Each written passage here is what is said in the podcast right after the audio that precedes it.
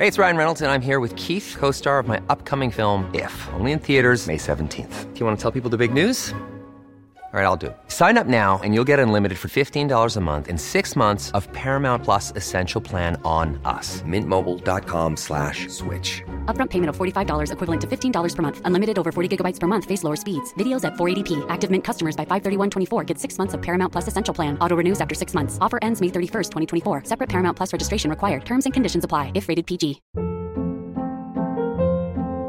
Hold up. What was that? Boring. No flavor. That was as bad as those leftovers you ate all week. Kiki Palmer here, and it's time to say hello to something fresh and guilt-free. Hello Fresh. Jazz up dinner with pecan-crusted chicken or garlic butter shrimp scampi. Now that's music to my mouth. Hello Fresh. Let's get this dinner party started. Discover all the delicious possibilities at hellofresh.com.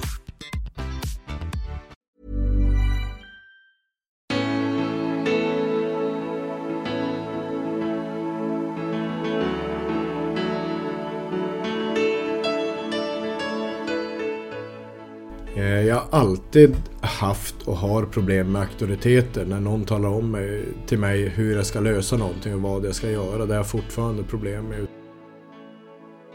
Lärde mig kanske den viktigaste läxan. Det är att eh, hockeyspelare i första hand är människor, inte hockeyspelare. Eh, vi har ett system där vi får fram ett eh, tal på hur effektiv spelaren är i spelet. Och eh, dividerar det med lönen så får vi fram en effektivitetsfaktor på, på en spelare. Så det är inte svårare än så. I näringslivet jobbar många företag med Key Performance Indicators, så kallade KPIer. Men det har jag aldrig hört inom idrotten. Att sen lägga in lönen som en del av detta index, det är att ta det ett steg längre. Frågan är hur många företag som skulle våga det. Men sån är han, Roger Rönnberg. Ingen vanlig hockeytränare. Kanske är det för att han inte själv har spelat på någon högre nivå. Det har gett honom en förmåga att lyssna istället för att peka med hela handen. Tillsammans med ordförande Mats Grauers och det övriga teamet så har han som mål att göra Frölunda Indiens till världens bästa förening för att utveckla människor. Det känns som att han är på god väg. Här kommer ishockeytränaren Roger Rönnberg. Välkommen till podden Spännande möte. Tack så mycket. Vi börjar med att fråga dig, hur mår du? Jag mår bra, eh, absolut. Vi har ett uppehåll här från SHL och tränar hårt så eh, det är en rolig vecka på det sättet. Och hur mår man som eh, tränare för Frölunda om du tittar tillbaka till det ni åstadkommit den här säsongen? Eh, Jag tycker man alltid mår bra, eh, mer eller mindre som tränare i, i, i Frölunda så länge man har en, eh, en grupp som växer och individer som utvecklas så, så mår man bra. Men hur eh, ser du på resultaten so far? Ja, Vi pratar inte så mycket om resultat. Eh, Vi, tror vi får det resultat vi förtjänar och vi tycker att vi har spelat ganska bra ishockey här i höst och har förtjänat ett rätt så bra resultat. Så vi har presterat som ett topplag och vi, eh, vi har väl fått resultat som ett topplag också. Jag som inte har järnkoll på SHL, även om jag följer det hyfsat. Eh, Örebro och Rögle i eh, topp. Hur oväntat är det? Eh, från alla på utsidan så är det nog jätteoväntat men för oss som är på insidan av SHL som, har, eh, som följer alla lag noggrant så, så är det inte jätteoväntat för både Örebro och Rögle har, har eh, organisationer som, som har börjat jobba lite mer långsiktigt och stöttar upp varandra och är väldigt bra coachade bägge, bägge lagen. Mm. Du, ehm, om vi tittar lite på eh, dig och Frölunda. Ehm, den här före detta Djurgårdstränaren och hockeyexperten Niklas Wikegård. Han eh, sa i en videoblogg 2014 att där han uppmanade Frölunda att anställa dig på 10 år. Och där är vi ju snart. Ja, eh, jag har ett kontrakt som sista året eh, leder till att jag har jobbat i Frölunda i nio år så att det är ganska nära. Ja, det kommer ju vara rekord. Det är ju redan rekord nu. Jag tror att ingen eh, tränare har varit så länge som du i Frölunda. Jag har dålig koll på det. det Ja. där Jag kollar upp det på Du får Wikipedia, göra lite, lite research Ja, på det. Men, ja, men jag har gjorde det faktiskt. Och det, Okej. så, är det ju. Eh, då kan man ju undra då. Eh, vad, vad är det för fördel med att vara länge i en klubb? Eh, jag vet inte om det är någon fördel i alla klubbar men just i Frölunda så är det en fördel att vi, eh, vi jobbar tajt tillsammans. Eh, från styrelse till, till management till coachteam till spelare så, så jobbar vi tajt eh, tillsammans med att vi ska ut, utveckla föreningen varje dag vi, vi, vi jobbar ihop och att vara en sån miljö gör ju att man själv utvecklas och eh, man får det stödet och, och, och, tryggheten att kunna vara självkritisk och det borgar för utveckling. Så vi är ett härligt gäng som, eh, som jobbar tillsammans dag ut och dag in och det är en eh, fantastiskt härlig anda i föreningen som gör att det är roligt att komma till jobbet varje dag. Men det är lite olikt vad man ser normalt sett i svenska hockeyklubbar. För det byts ju tränare ganska friskt. Ja, nej men det är ju hockeyns kultur har ju varit så. Däremot så tycker jag vi ser en, eh, en förändring åt, åt det positiva hållet. Att man börjar jobba lite mer långsiktigt och att organisationerna börjar ta större ansvar för totalresultatet sportsligt eh, och inte bara lägger allt i händerna på, på, på en sån som mig, en headcoach. Utan man börjar förstå att det är, det är många som bidrar till ett, till ett resultat i en förening. Är det lite jämförbart med om man tittar på eh, åtminstone engelsk fotboll där vi har Alex Ferguson och Arsène Wenger och som i och för sig inte längre någon av dem är i sina föreningar men de var ju där oerhört länge och lyckades hålla föreningarna under, under lång tid hålla dem i topp. Är det, är det lite ett, ett recept? Ja, lite annorlunda just de två exemplen. För där tycker jag att eh, de är managers och de får styra väldigt mycket själv och kanske bara rapportera direkt till en styrelse. Medan i, i, i Frölunda så, så jobbar vi på alla positioner med kontinuitet och jag skulle mer vilja jämföra oss med eh, Barcelona, Ajax, eh, om vi ska ta fotbollsparallellen som eh, har byggt upp eh, klubbar som har en klar identitet och väldigt klara spelidéer hur de spelar och jobbar tillsammans även med en akademi där man fostrar spelare tillsammans i en, i en förening och där det finns en spelidé som, som är väldigt stark och förankrad. Där, där man inte ändrar på den i första taget. Så jag tycker vi är mer lika de två klubbarna. Finns det några paralleller inom hockeyn? Eh, ja, det, det, kan det finnas. Men vi, eh, vi tycker att vi gör våran resa nu så bra som vi kan göra den och vi vill ha en eh, egen identitet. Så eh, jag, jag jag tror inte så många, många föreningar faktiskt jobbar visionsstyrt, eh, värderingsstyrt som vi gör. Utan jag tror att många väl jobbar resultat och känslostyrt. För du var ju inne på det här alldeles nyss här. Du vill ju eh, utmana de här vanliga hockeytraditionerna. V vad är det för traditioner mer än just att man har bytt tränare väldigt ofta? Vad är det för andra traditioner som, som du ser som du vill utmana? Nej, men det finns egentligen i alla tre ben som vi jobbar med så finns det i, i spelet så finns det mm, traditioner i hur man spelar spelet ishockey i, i, i Sverige. Eh, sättet man tränar på det andra benet i eh, vad är elitidrott om man börjar tänka träning och jämför vi bara mot andra ishockeylag hur man ska träna så tränar vi nog ganska mycket här i Frölunda. Men skulle jag jämföra mina killar med Charlotte Kalla så tränar vi ganska lite. Så eh, det är det andra benet. Det, det tredje benet och det, det, mest spännande för mig det är ledarskapet. Att eh, ledarskapets kultur inom ishockeyn har varit väldigt dömande. Att eh, ledare står vid sidan av sina spelare och, och dömer och, och paketerar in dem i, i bra eller dåliga lådor. Istället för att jobba tillsammans för att få spelarna att utvecklas och bli bättre. Så... Varför är det så inom hockeyn eh, specifikt? Jag vet inte om det är specifikt eller jag tror några saker är ser samma sak i, i, i fotboll och innebandy. Att, eh, framförallt när man ser spelet så, så, eh, så, finns det en tradition i Sverige av att när man spelar i alla bollidrotter att man ska vara väldigt välorganiserade. Man ska ha ett tydligt försvarsspel och, och eh, börja därifrån. Så där tror jag att många bollidrotter i, i Sverige har en viss kultur och, och likheter. Mm, intressant. Eh, en grej som jag tänkte koppla till. Jag menar, du börjar ju någonstans och tar dina första skär. För du har ju spelat lite hockey i alla fall. Mm, var, var gjorde du det någonstans?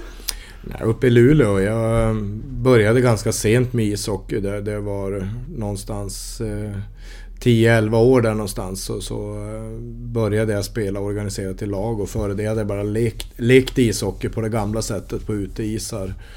Man plogade sin egen bana och, och spelade med kompisarna och sen eh, tjatade jag på mina föräldrar att jag ville börja spela ishockey och fick till slut börja om jag var 10, 11 eller 12 år, kommer jag inte ihåg. Men eh, fick börja spela organiserat uppe i Luleå då.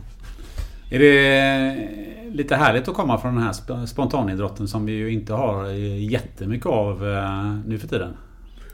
Eh, nej men det, det, är härligt. Det är, det är ju att leka sin idrott. Jag tror det är där det börjar och borde börja för, för, för alla barn. Och jag, jag ser ju att spontanidrotten lever fortfarande. I alla fall på gatan där jag bor så är ungarna ute och spelar hockey. Och leker sin idrott och det, det är väl så man vill att det ska börja för alla idrottare.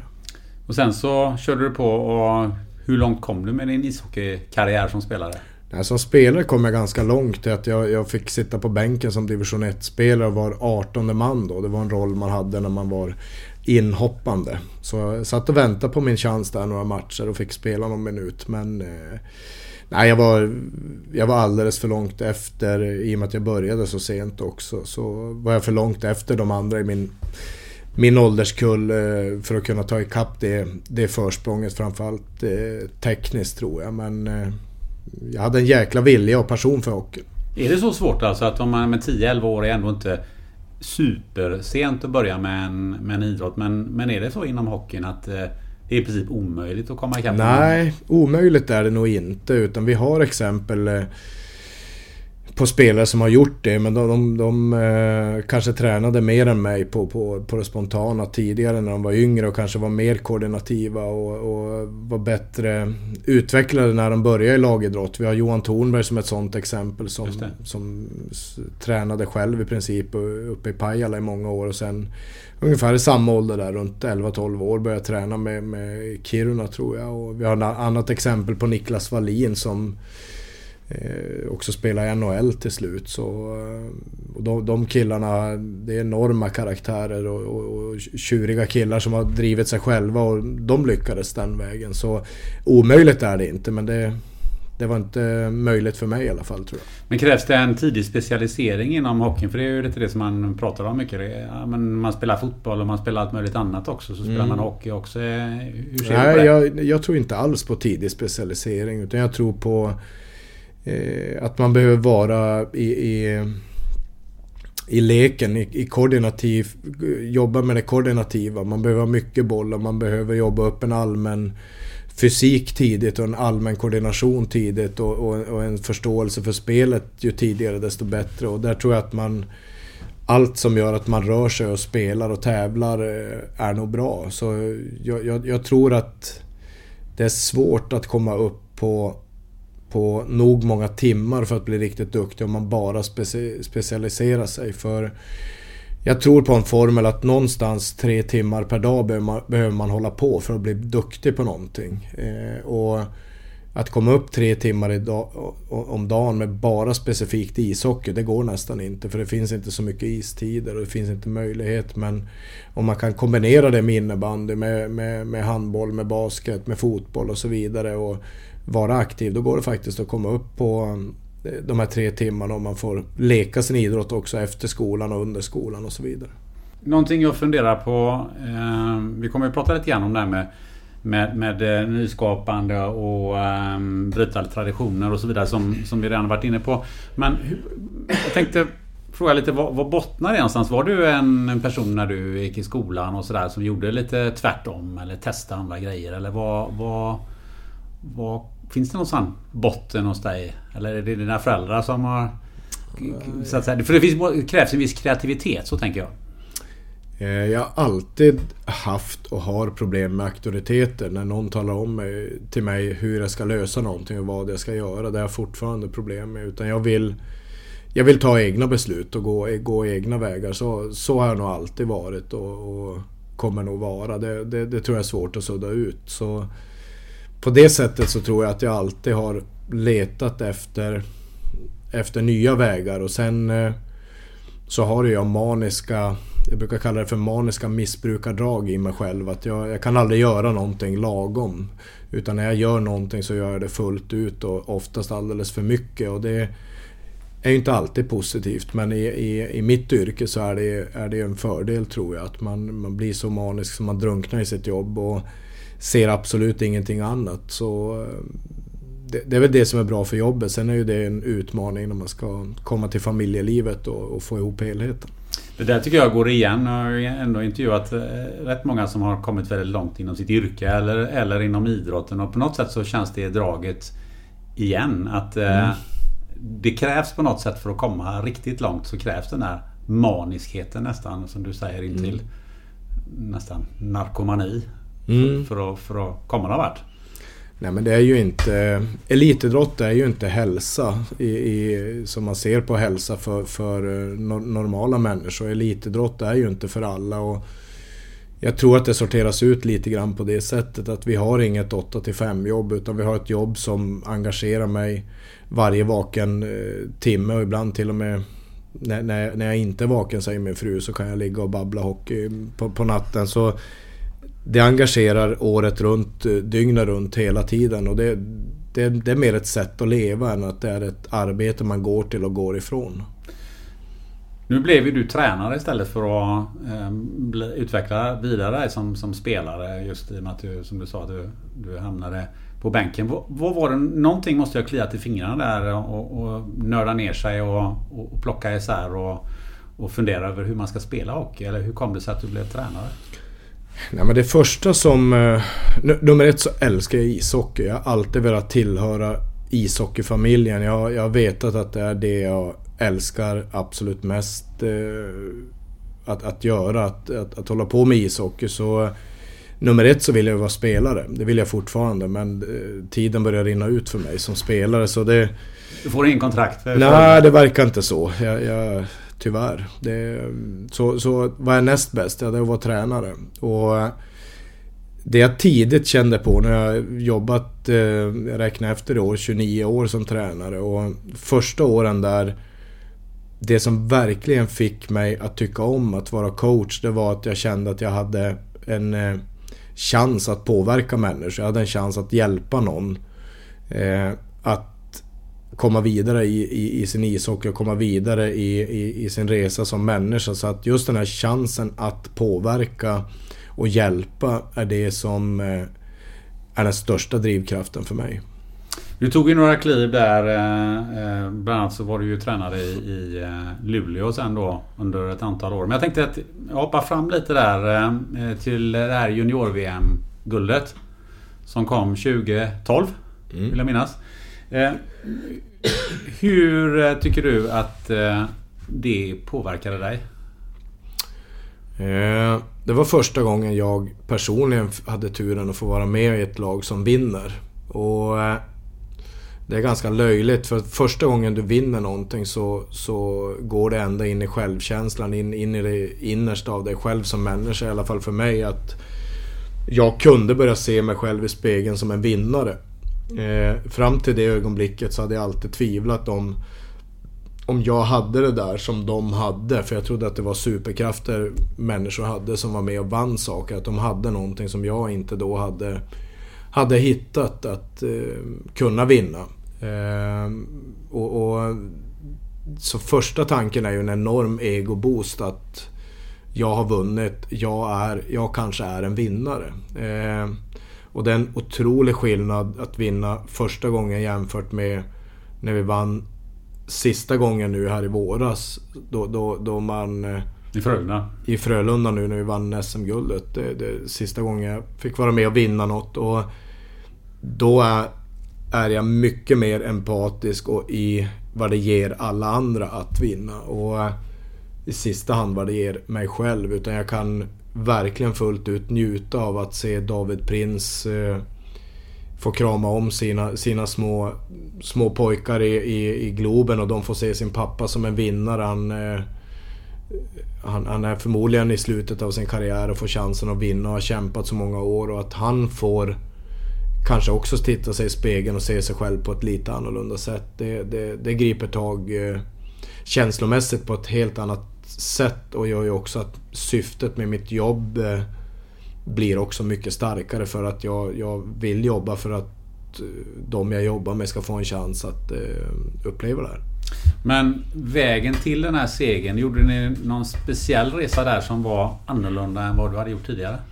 Ja, det var en väldigt speciell resa för under Luleå-tiden så, så höll vi på att bygga om en organisation och hade det väldigt kämpigt. Och, eh, några år uppe i Luleå där, där vi, vi kämpade med näbbar och klor varje dag för att vinna nästa hockeymatch. Och det fanns inget långsiktigt riktigt tänk från mig som ledare. Eh, jag hade inte kommit så långt att jag visste vad jag ville stå för varje dag och eh, hur, hur jag ville att spelet skulle se ut, ledarskapet, träningarna och så vidare. Så jag, jag var nog inte riktigt mogen för, för den uppgiften då. Och att från det få gå in i förbunds kaptensjobbet i Svenska Hockeyförbundet och börja jobba i ett team där, där man tar ett steg ifrån elitidrotten ett tag. Där man får mellan alla landslagsläger eh, studera svenska hockeyligan på lite avstånd. Eh, börja fundera över varför vissa lag är framgångsrika, vilka olika modeller de använder. Läs, läste väldigt mycket ledarskap under den här tiden. Eh, vi, och kanske det viktigaste vi gjorde under, under den tiden, det var att Per Mårts, som jag tycker var lite nydanande i svensk hockey då. Nummer ett satte av en inriktning att allting handlade om att vinna. Han eh, fick ju tyvärr inte vinna med juniorlandslaget men han, jag tror, tycker han förberedde vägen så att vi kunde vinna några år senare. Och han eh, satte upp ribban så pass högt att det fanns ingenting annat än att vinna. Och just den attityden var ju någonting som, som vi fick till oss i juniorlandslaget som kom in efter Per. Eh, han tog även ett annat beslut om att vi skulle börja jobba med psykologiska coacher i landslagen de åren. Och så första året jag jobbade med juniorlandslaget så började jag jobba med John Jansson, eh, psykologisk coach eh, uppifrån Umeå som jag samar vi samarbetar med än idag här i Frölunda. Och han, eh, redan på första lägret så, så fick han mig att börja tvivla på det jag kunde då och börja hitta nya vägar på att leda. Och han lärde mig kanske den viktigaste läxan, det är att eh, hockeyspelare i första hand är människor, inte hockeyspelare. Så eh, där började en intressant resa där jag tycker att jag själv började bygga upp ett ledarskap som jag idag har jobbat med nu ytterligare eh, 7, 8, 9 år och börja känna mig tryggare och tryggare i. Eh, men det ledde ju också till att eh, jag förstår när man läser lite att eh, eh, du fick rätt många nya idéer som du ville applicera på, något, på någon förening. Och där måste ju ha funnits en missmatch mellan, mellan föreningarna i, i allmänhet och i SHL och det som du eh, så att säga, hade tagit dig, dig eh, vidare här. Mm. Och det var väl i den vevan som du också vad jag förstår funderade på om det finns, finns något lag som, som vill ha mig? Ja, vi vi gick ju under tre år, eh, Robert Olsson då, Djurgårdens tränare och min, min före detta kollega i juniorlandslaget. Vi, vi gick och grubblade på det här några år där tillsammans. Där vi ledde juniorlandslaget. Vi, vi ledde ju spelare som var utpytsade i svenska elitlag och fick ju genom deras upplevelse fundera lite grann över hur svensk elithockey fungerade. Eh, vilken typ av träning de bedrev, vilken typ av spel som spelades och vilken typ av eh, individuell träning som bedrevs på de här unga killarna som vi tyckte var fantastiskt duktiga. Och började ju forma och, och skissa på en, eh, på en modell. Att vad, vad, skulle vi göra om, om något lag var så tokiga och sätta eh, låta oss eh, ta hand om deras lag. Att de sätter, sätter sån tilltro till oss att de vågar ge oss chansen i ett lag. Vi visste inte om det överhuvudtaget skulle ringa någon. Och det ringde något lag och, och, men det räckte med en fråga från mig för att inse att det inte var aktuellt. Jag frågade varför ringer ni till mig? Och de sa att ja, men vi, vi tror att du är bra. Ja, varför tror ni att jag är bra? Ja, men du, du, du har vunnit. Ja, men vad är det jag står för som ni gillar? Och det hade de inte tagit reda på. Mm. Så och det var inte jag så sugen på att kortsiktigt börja jaga efter ett resultat. Utan jag var sugen på att göra en total förändring någonstans. Där man totalt ändrar kulturen på hur man tränar, spelar och leder. Och till slut så hörde, hörde Frölunda av sig. och eh, jag träffade Mats Grauer som, det, som, som visade sig vara en ödmjuk eh, visionär som, som hade en vision där han ville skapa någonting i Frölunda som inte tidigare har funnits. Eh, han var också självkritisk han visade på vilka problem som fanns i föreningen på den tiden där man inte fick, eh, fick någon utveckling och tillväxt på den sportsliga verksamheten. Så där någonstans så började den här resan som vi nu har varit inne på i sju år och fortfarande skissar på varje dag. Så. Kan man säga det här kombinationen av att du eh, inte själv har stått på isen i, i, i SHL. Den resan du gjorde med juniorlandslaget. De funderingarna som du fick där. Plus att Mats Grauers faktiskt inte heller kommer från hockeyn. Utan faktiskt från handbollen. Eh, är, är det lite stans där man kan hitta den här myllan för det som ni sen har jobbat med här i Frölunda? Ja, jag vet inte. Kanske när du lägger fram det så. Att, eh, men jag tror framförallt att eh, eh, I och med att jag aldrig har spelat själv så tvingas jag vara lyhörd och lyssna på de som utövar idrotten. Jag kan inte bara säga att vi gör så här för så, så är jag själv lärd. Utan eh, därför har jag alltid varit nyfiken och är en sökare som, som hela tiden är, är på jakt efter det perfekta och jag har inte hittat det perfekta än i, i något egentligen. Så du har inte hittat det perfekta än? Nej, absolut inte. Utan vi, vi jobbar ju i den riktningen däremot. Kommer du någonsin hitta det tror du? Nej, det hoppas jag inte. För då, då är det väl dags att lägga av. För jag tror att eh, den dag man tror att man har hittat det perfekta Vare sig det gäller i, i sättet man spelar på eller tränar eller leder så, så då tror jag att man har tappat sin ödmjukhet och då är det nog dags att eh, komma på något annat att göra. För Eh, det, det, är den ödmjukheten som, som, och, och, den drivkraften som driver oss framåt här varje dag i Frölunda. Vad hade hänt, tror du, om du inte hade träffat eh, Mats Grauers? Tror du det hade funnits någon annan som hade velat eh, ta till sig det ni... Ja, det är lätt att säga i efterhand att det, det tror jag, men eh, det är inte säkert. För att kunna göra den resan som vi har gjort här, att få testa alla de här idéerna och, och, börja bygga en struktur och en, en, idé nu som finns i föreningen här. Så behöver man stöd och trygghet som tränare. För utan trygghet så tror inte jag att man kan vara så självkritisk och ödmjuk och, och, och ifrågasättande som vi har varit under de här åren. Så eh, jag och vårt coachteam har ju fått en enorm uppbackning av föreningen som har stått bakom oss i, i, i vått och torrt. Och backat och supportat oss. Och vi, vi har jobbat i processer i team hela tiden. Så det är inte helt säkert att man skulle fått den supporten i, i, i en annan förening. Det som slår mig som ser på det lite utifrån och, och, och eh, som har haft lite eh, bekanta som har jobbat i, i Frölunda eh, för inte så länge sedan. Så tycker jag att det är två saker som, som är tydliga. Det ena är ju att, att ni hela tiden idag får upp väldigt mycket, mycket nya unga spelare. Den är ni ju bäst i Sverige på. Och sen den andra saken som jag tycker är, är väldigt spännande. Det är ju att ni lyckas integrera de här utländska spelarna som ni ehm, eh, ändå plockar in och kanske måste plocka in. För det finns alltid någon som har någon spetskompetens misstänker jag. Eh, vad, är, vad skulle du vilja säga, vad är hemligheten kring de två eh, sakerna?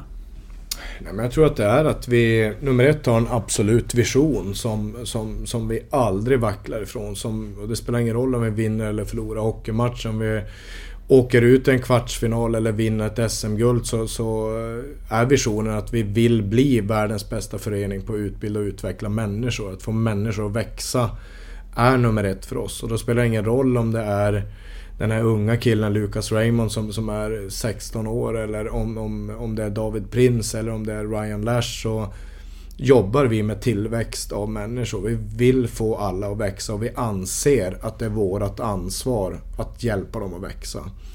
Så eh, det tror jag är, är, är det som, som, som ger chansen till det här att hända. Sen har vi ett noga uppbyggt system idag på hur vi jobbar med utveckling i, i alla, alla områden som, som, som handlar om coaching. Allt ifrån fysträning, teknikträning, taktisk träning till det mentala så, så har vi färdiga modeller nu som vi hela tiden slipar på för att göra dem ännu bättre. Men, eh, och vi vet att vi har sådana mätpunkter som vi vet att träffar vi, träffar vi rätt där med spelarna så kommer utvecklingen. Ja, för det måste ju kännas lite speciellt eh, när man kommer dit som utländsk spelare som säkerligen är eh, oftast uppvuxen i en helt annan miljö. Hur, hur, eh, hur har de här spelarna reagerat på, på den här ledarfilosofin som ni har här? Ja, men oftast lite funderande och lite, lite skeptiskt avvaktande från en början men... One size fits all seems like a good idea for clothes until you try them on. Same goes for healthcare. That's why United Healthcare offers flexible, budget-friendly coverage for medical, vision, dental and more. Learn more at uh1.com. Hey, it's Ryan Reynolds, and I'm here with Keith, co star of my upcoming film, If, only in theaters, May 17th. Do you want to tell people the big news? All right, I'll do it. Sign up now and you'll get unlimited for $15 a month in six months of Paramount Plus Essential Plan on us. Mintmobile.com slash switch. Upfront payment of $45 equivalent to $15 per month. Unlimited over 40 gigabytes per month. Face lower speeds. Videos at 480p. Active Mint customers by 531.24 get six months of Paramount Plus Essential Plan. Auto renews after six months. Offer ends May 31st, 2024. Separate Paramount Plus registration required. Terms and conditions apply if rated PG. It's that time of the year. Your vacation is coming up. You can already hear the beach waves feel the warm breeze, relax, and think about work. You really, really want it all to work out while you're away. Monday.com gives you and the team that peace of mind. When all work is on one platform and everyone's in sync, things just flow wherever you are. Tap the banner to go to Monday.com.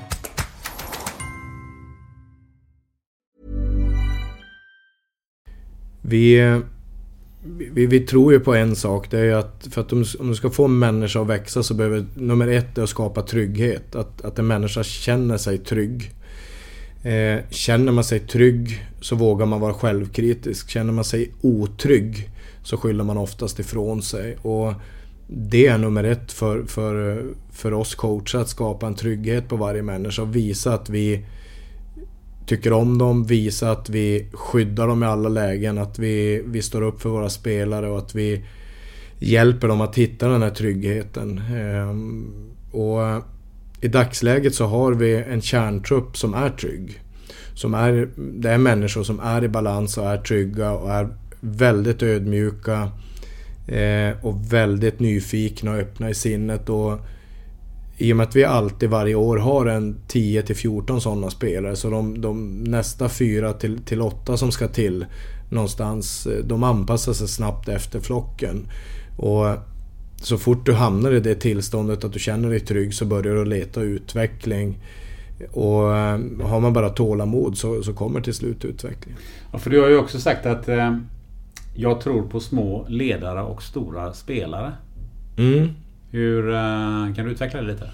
Nej, men jag, jag, tror på ett tjänande ledarskap där, där ledaren tjänar spelarna. Inte där spelarna ska tjäna oss som ledare utan min, min syn på ledarskap är att jag finns till för spelarna. Att jag ska göra spelarna så bra som möjligt. Och därför så, ju mindre jag kan synas desto bättre och ju mer mina spelare syns. Det, det, det är en bild som jag vill förmedla ut. Har du tagit intryck av några andra stora ledare inom idrotten eh, just när det gäller den här typen av ledarfilosofi?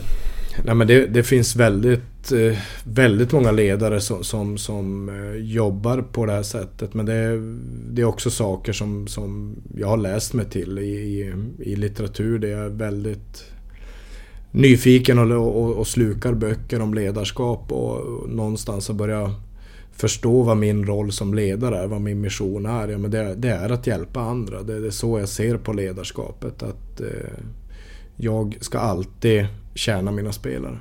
Man får lite eh, Bengan Johansson-känsla, eh, gamla handbollstränaren som också överlät mm. rätt mycket till framförallt till de ledande spelarna. Mm. Nej men eh, jag, jag, tror att internt så överlåter jag också så mycket som möjligt till till mina spelare för att jag tror att en människa mår bra när man får vara delaktig och bygga upp någonting och bli, bli bekräftad och att det är någon som lyssnar på ens idéer och att man får vara med och, och bygga saker. Det, det tror jag skapar inre motivation. Eh, däremot utåt så så tar jag fullt ansvar för att skydda min grupp. För allting som rör A-lagets resultat så är jag ansvarig för, punkt. Och det ansvaret kommer jag aldrig att ducka för.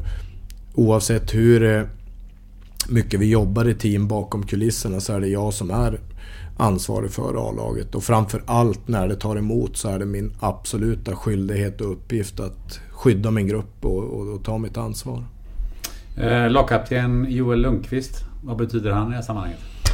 Han betyder allt. Han, han, är Frölundas viktigaste ledare. Han är, eh, han är den som är normsättande i, i föreningen och, och visar genom ett, sitt sätt att vara vad som är normalt i Frölunda. Och är en fantastisk karaktär som har en, eh, genom åren utvecklat en av de absolut bästa karaktärer jag har sett på en hockeyspelare. Där, där, eh, där han genom sitt sätt att vara, genom sitt sätt att ta sig an obehagliga, svåra saker och komma över dem eh, är en eh, fantastisk människa för, för de andra att följa.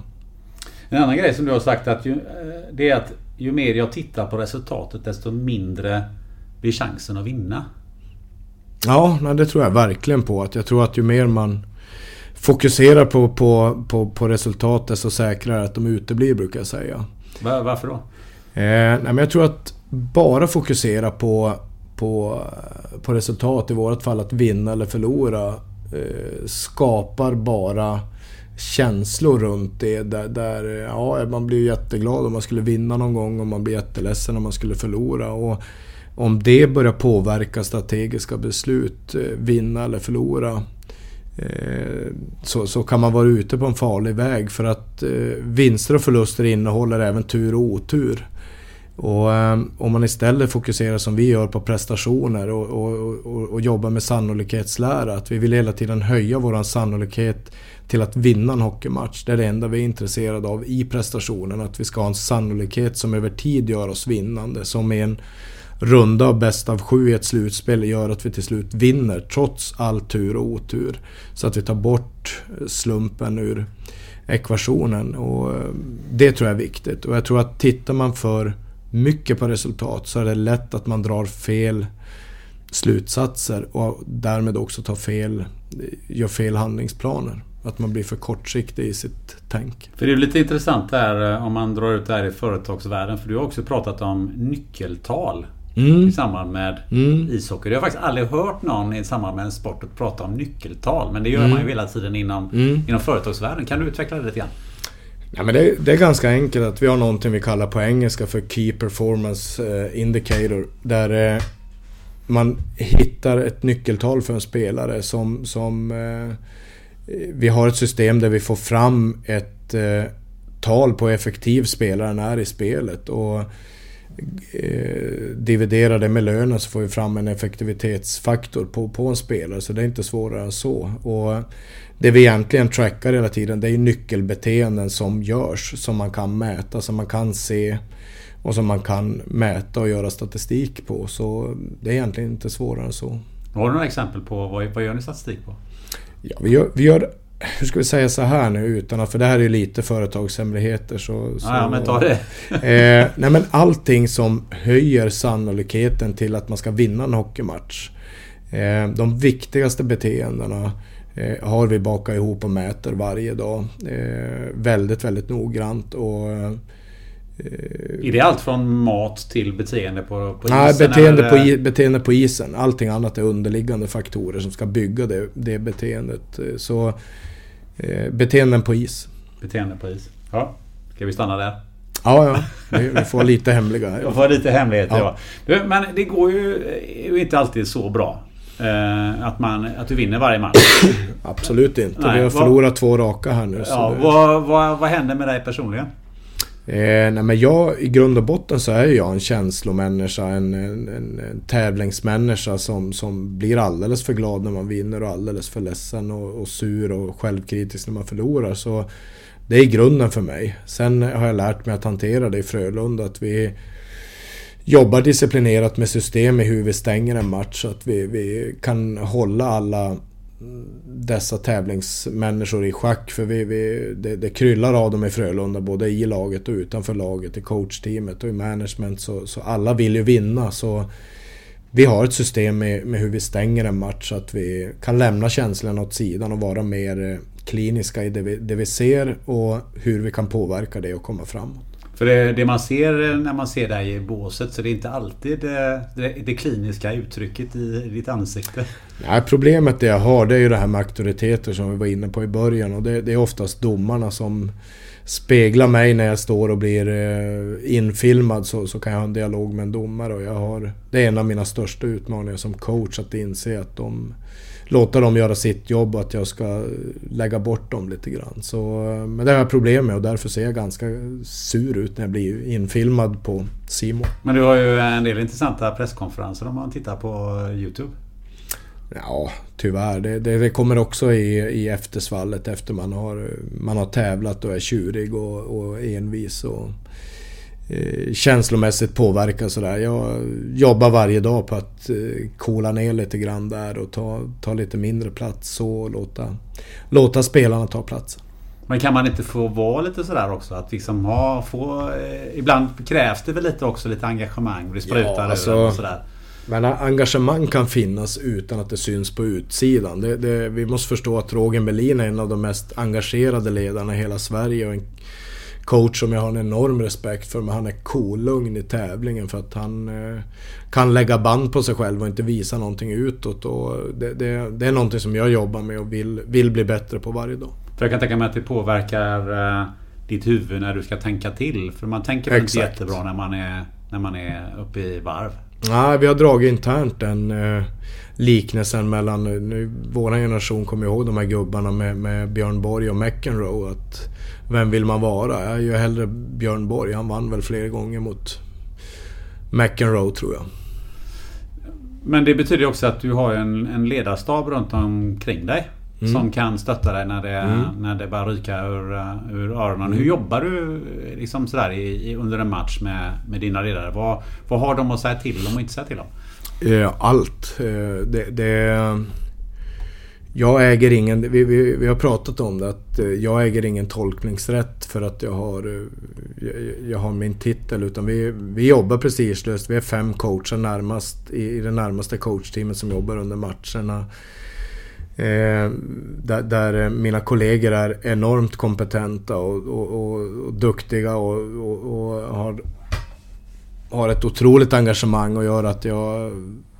De, de lyfter inte fram nog mycket tycker jag. För utan dem hade det varit omöjligt att, att eh, driva ett hockeylag på det sätt som vi gör nu. Vi har specialistfunktioner i princip på allt och, och ett väldigt, väldigt härligt team där vi supportar varandra.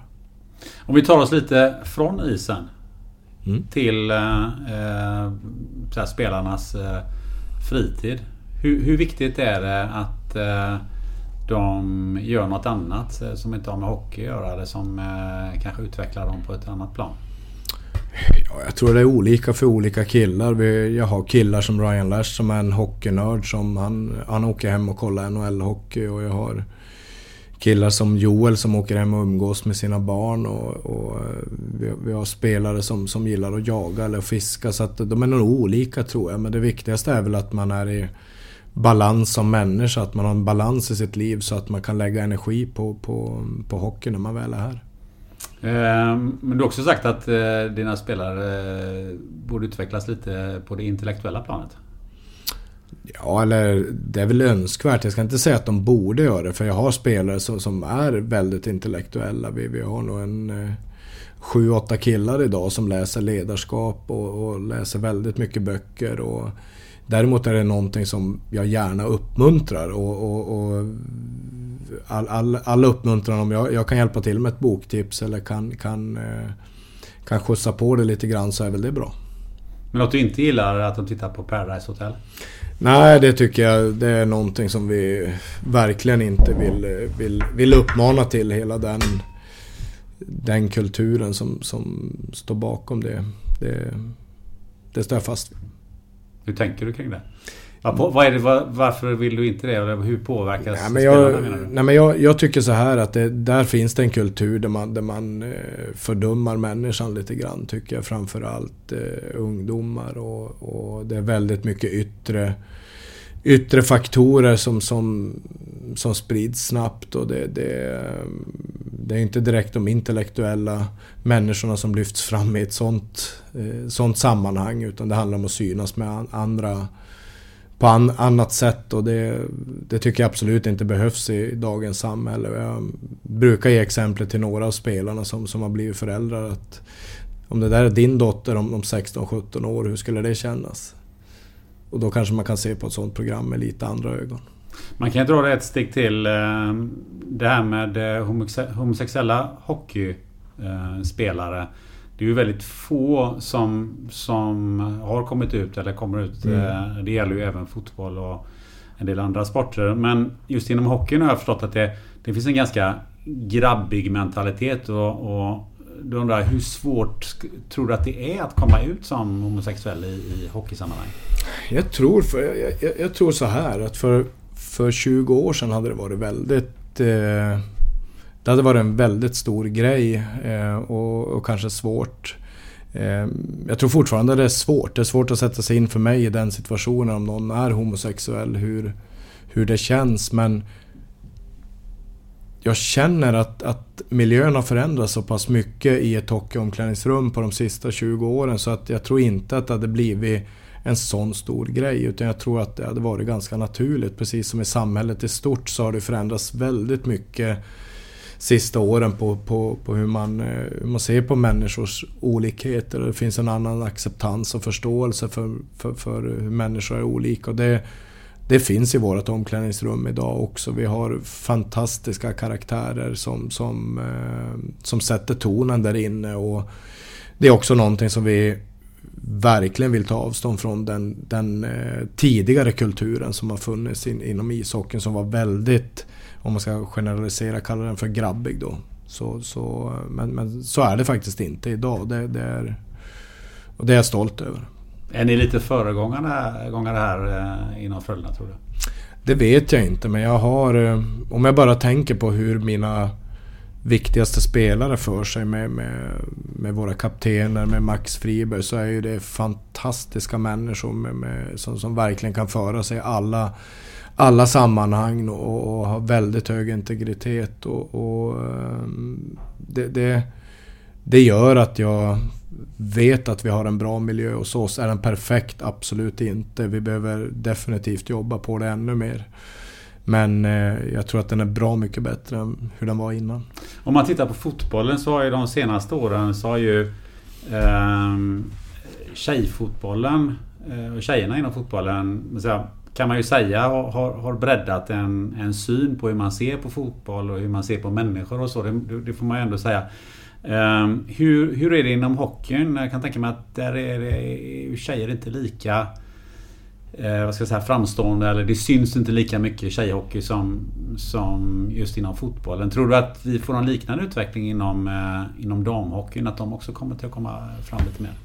Jag hoppas verkligen det och, och ser ju också förändringen där. Att den, den, den ligger några år bakom eh, damfotbollen givetvis. Och, och, fotboll är lite lättare att utöva av eh, fler så jag, jag tror inte vi får samma resa som damfotbollen men, men eh, vi kan dra liknande paralleller och ser jag bara här i Göteborg nu hur många som som är intresserade av flickhockeyn och som kommer bygga damhockeyn över, över tid så, så, så, är det någonting som växer. Vi har tillväxt på det området och det, det är ju väldigt roligt. Mm.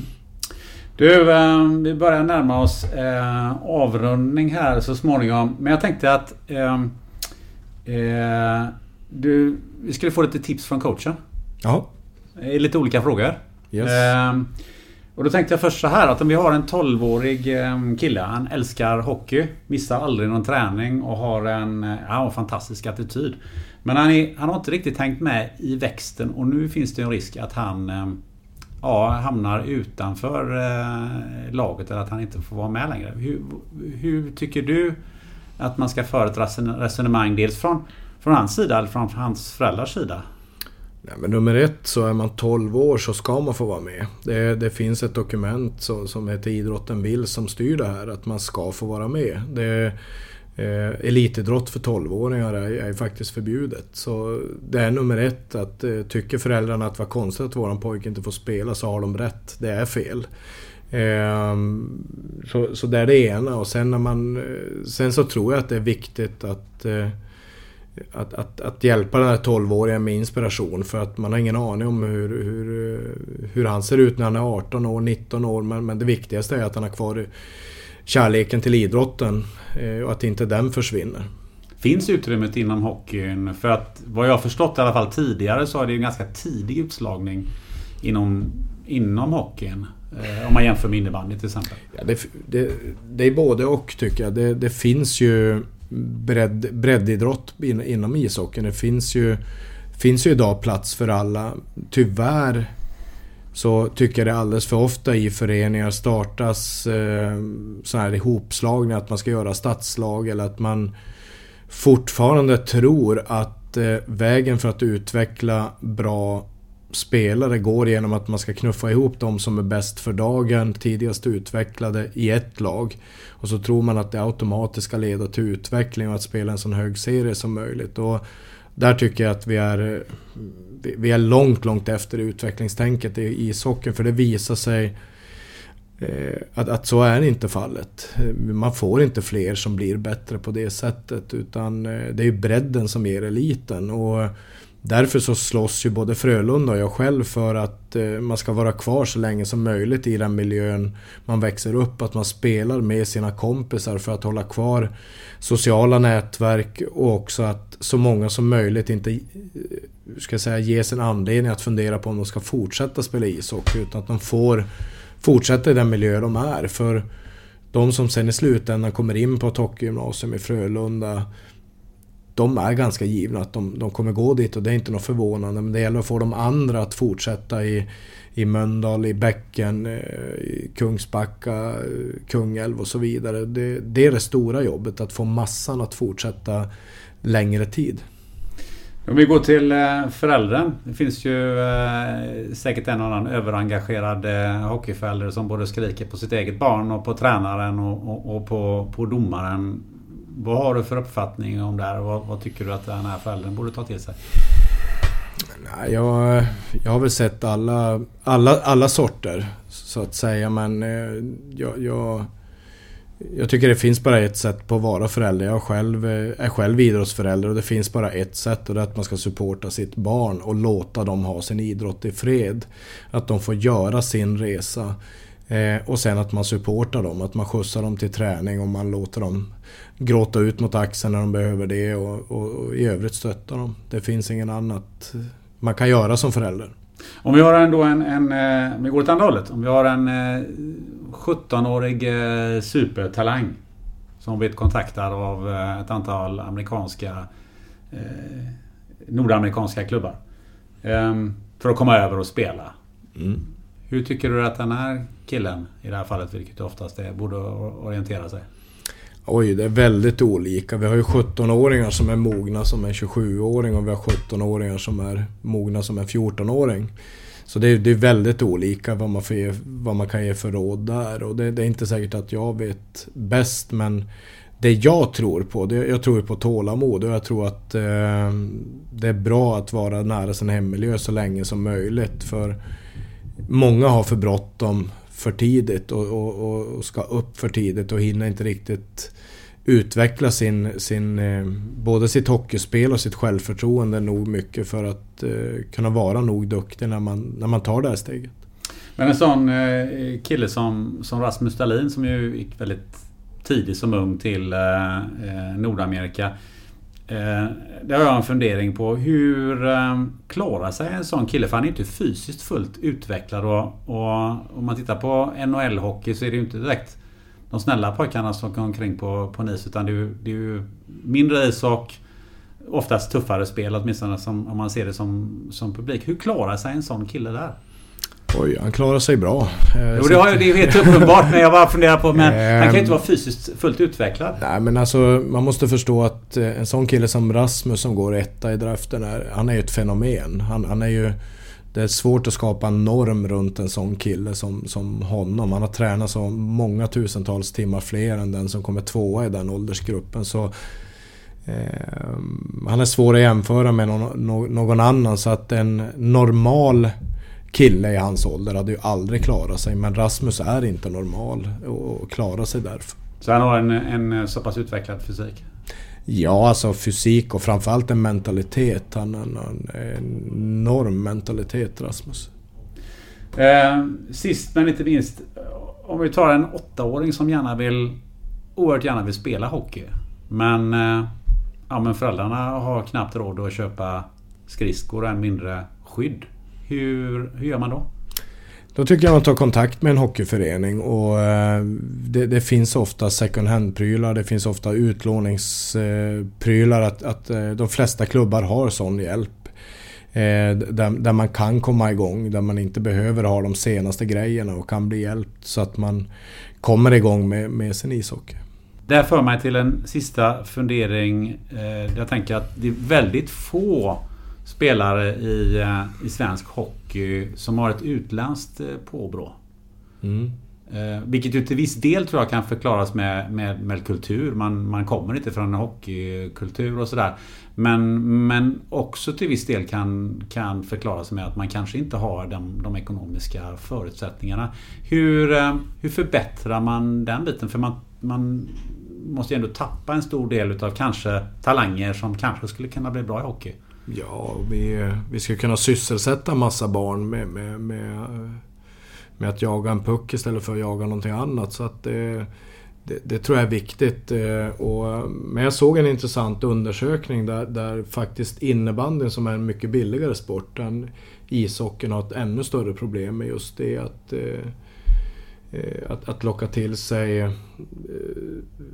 locka till sig ungdomar från utländsk här, härkomst. Och jag tror att det är väldigt kulturellt eh, betingat. För, för eh, så är det. att Skulle jag flytta med mina barn, barn till Indien och de, de skulle vilja börja med polo så skulle jag ju vara väldigt skeptisk och börja leta efter en ishall istället. Och tyckte ska ni inte hålla på med hockey istället. Så, och, och det måste man ha respekt för att det kan ta någon generation innan det här intresset väcks. Och eh, vi, vi jobbar med olika projekt i Frölunda för att eh, komma åt alla stadsdelar i Göteborg. Och Frölunda vill bli göteborgarnas lag. Och det, det, är en jättelång resa för att väcka intresse hos alla för ishockey. Då tror jag också det blir lättare att sätta sina barn i den verksamheten. Nu har jag fått en eh, timma med dig Ja. Eh, vilket har varit helt eh, fantastiskt. Kommunikationschefen eh, Peter han sa en, en timma får du och vi har kanske dragit över någon minut här. Men eh, hur tycker du att eh, det har varit att sitta och tjata med mig här? Bra, det gick fort. Det kändes inte som en timme, det kändes som 20 minuter ungefär. Ja, vad härligt. Eh, om du skulle rekommendera någon att som jag, som jag skulle intervjua i den här podden. Har du någon sådär som du skulle vilja se här? Det kan vara vem som helst. Det kan vara hockey, det kan vara icke-hockey, det kan vara någon ledare, någon som är ledarskap. Du håller på mycket med, med den biten och som du tycker verkar jäkligt intressant. Ja, det finns en människa som heter Kai Pollak. Om du skulle få han framför mikrofonen ja. och, och, tillbringa en timme med, med, med Kai så, så tror jag det skulle bli en magisk stund. Ja, härligt. Tack Bra. för tipset. Jättebra. Tack så mycket. Eh, du, slutligen om man vill följa dig eller få kontakt med dig på något sätt eller så. Eh, hur gör man då? Finns du på sociala medier? Kan man kolla? Vad gör man? Eh, sparsamt på sociala medier, det, det, det gör jag. Men jag, det, jag går alltid nog via Frölunda. Så att det är lättaste sättet att kontakta klubben. Perfekt. Roger Rönnberg, ett stort tack för att du ville ställa upp i den här podden. Ja, tack själv. Tack. Det blev en relativt kort intervju, men jag är glad att jag fick göra den. Jag inser att det inte är så många som får en hel timme med en av Sveriges mest intressanta tränare. Ett extra tack till Peter Pettersson Kymmer, kommunikationschef för Frölunda Indiens. Nästa vecka, då är det jubileumsvecka. Spännande möten fyller ett år. Och det ska vi fira med att ge ut hela två avsnitt på samma vecka. På torsdag, som är ordinarie utgivningsdag, då kommer Vicky Clarys ansvarig på NASA för all rymdmat som skickas till rymdstationen. Superintressant! Och redan dagen efter, den 22 november, på själva jubileumsdagen, ja då kommer den som fått överlägset mest lyssningar under året, nämligen funktionsmedicinaren Peter Martin. Intervjun görs samma dag så avsnittet kommer upp under eftermiddagen ungefär. Vill du ställa frågor till Peter, ja då har du chansen fram till den 22 november. Maila på gunnarösterreich.se eller skriv på sociala medier. Till dess, sätt dig på en sten med en vän och diskutera hur det ska kännas att äta sju år gammal kyckling som dessutom är frystorkad i tyngdlöst tillstånd. Det är nämligen vad en astronaut behöver fundera på på sin hemväg från Mars. Ha det gött! Ever catch yourself eating the same flavorless dinner three days in a row? Dreaming of something better? Well, HelloFresh is your guilt-free dream come true, baby. It's me, Gigi Palmer. Let's wake up those taste buds with hot, juicy pecan-crusted chicken or garlic butter shrimp scampi. Mm. Hello Fresh. Stop dreaming of all the delicious possibilities and dig in at HelloFresh.com.